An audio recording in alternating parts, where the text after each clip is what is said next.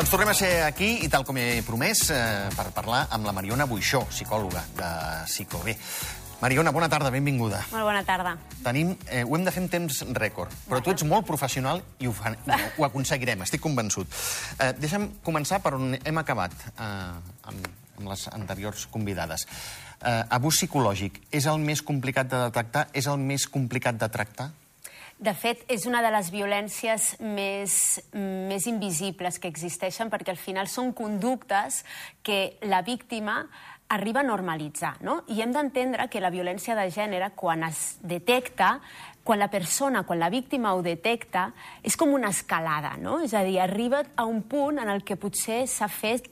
O sigui, s'ha fet tan gran la bola que quan anem enrere comencem a veure aquells indicis que ja indicaven comportaments o patrons de violència masclista, però que la persona tenia normalitzats, perquè al final l'agressor què fa en aquestes situacions? El que fa és minvar l'autoestima, invalidar-la emocionalment, fer-la sentir que estàs boja, però què dius? Però això són imaginacions teves, no és veritat, no? És a dir, a poc a poc l'agressor fa que la víctima se senti menys capaç, menys segura d'ella mateixa per poder dir, escolta, això que estàs dient, o aquesta manera en com m'estàs tractant, o aquesta manera d'humiliar-me, això no m'agrada, no? Sí, la víctima normalitza- normalitza. Normalitza estar menyspreada? No, normalitza situacions perquè inclús és el que comentaven abans, no? És a dir, arriba a sentir-se culpable, arriba a sentir que on vaig jo a explicar això? Si segurament l'agressor també s'ha encarregat a fer-li saber que això passa en totes les relacions, eh, o estàs sola, no? Cada vegada t'aïllo més del teu cercle perquè no expliquis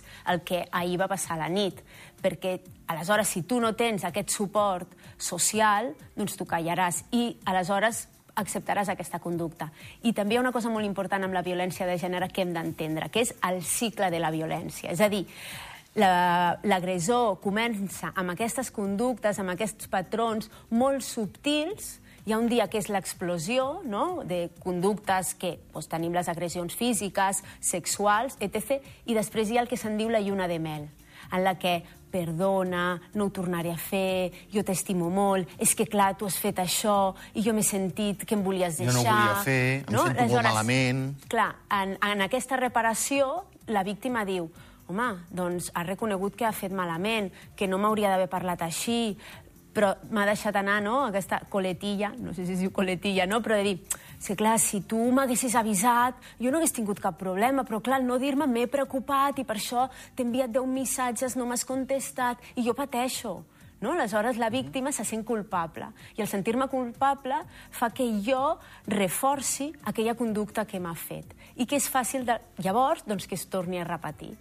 I, per tant, és molt difícil per la víctima reconèixer que està sent víctima de violència de gènere, perquè ha estat tan gradual la seva exposició amb aquest agressor que al final ja no té mm, recursos, ja no té persones al seu voltant, potser no té recursos econòmics eh, perquè no pot decidir marxar-se, té aquesta dependència emocional, ell m'estima, eh, ningú m'estimarà, perquè és el missatge que m'ha estat repetint constant i diàriament. Uh -huh.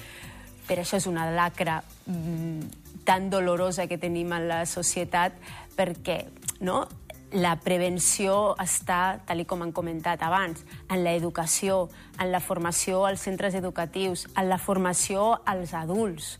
I, i, i aquí és on podem canviar aquesta discriminació. Al final, qualsevol violència, la violència de gènere és tot acte de violència que té com a base la discriminació de gènere. I això parteix de la desigualtat de poder que ha existit durant molts anys entre homes i dones, no? Uh -huh. I és molt important la part de la formació i la prevenció en, en l'àmbit educatiu. I des de casa, també. Ho he de dir, ets molt bona, perquè tenia psicològic, físic i sexual. Ho has fet tot amb, un, amb una. Fantàstic. L'únic un apunt del sexual. Eh, tu i jo eh, som parella de fa 35.300 anys. Eh, tu no tens ganes de fer l'amor, però jo sí. Eh, això és violació. Això és violència, sí, Perquè perquè... la gent ho tingui clar. Violència i violació. Perquè jo estic fent una cosa que no desitjo fer i em sento forçada a fer-ho perquè si no eh, tu t'enfadaràs perquè segurament la conducta que... O em, em, em dius que em buscaré una altra no? o que, clar, he estat infidel perquè tu no em dones el que jo necessito. És a dir, a sobre reforço aquesta conducta, no? I, i et culpabilitza. Exacte. Val? Um, i, I volia fer un encís, que sé que tinc poc temps, però crec que um, és un tema que passa moltes vegades molt desapercebut, el tema de la violència de gènere, i, i crec que cal que hi hagi molta més atenció per part de tots els organismes, però sí que és veritat que, per exemple, des del Ministeri d'Afers Socials, Joventut i Igualtat, aquest curs escolar que comencem la setmana vinent, per part de Sicobé, en aquest cas, desenvolupem tallers a totes les escoles del país sobre igualtat de gènere i violència de gènere, a adolescents entre 12, 13 i 14 anys. Aleshores, és la gran oportunitat que tenim per identificar i perquè ells siguin conscients de conductes que probablement tenen molt normalitzades, eh, a nivell d'adolescents, eh, de que em controli és normal, que tingui gelos és normal, que vulguis estar amb mi tot el dia és normal, no? Eh, ens adonem que hi ha molts adolescents que tenen conductes molt normalitzades i que cal fer èmfasi en què això no és sa, això no promou una relació sana, perquè t'està invalidant d'alguna manera, no? Estàs dient que estem tirant enrere, eh? Mm, mira, només cal... Jo, nosaltres hem preparat una dinàmica que és eh, quina música escoltes.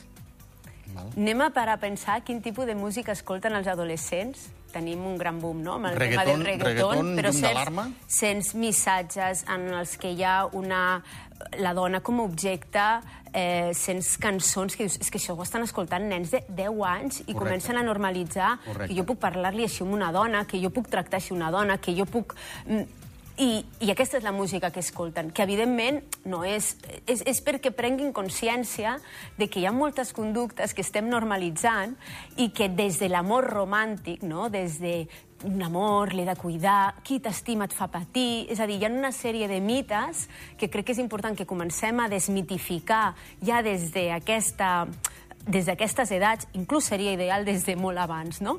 Però des d'aquestes edats és important que comencem a desmitificar aquests mites de que qui t'estima et fa patir, qui t'estima és normal que estigui gelós, perquè, perquè vol estar amb tu i ets el més important del món. Mariona, t'estimem moltíssim, però em sap molt de greu. Moltes hem de, gràcies hem de marxar, a vosaltres. Hem de marxar. Uh, moltíssimes gràcies a tots vosaltres, també. Recordeu que seguim a Ràdio Nacional d'Andorra, la 94.2 de la freqüència modulada fins les 5 de la tarda. Fins ara.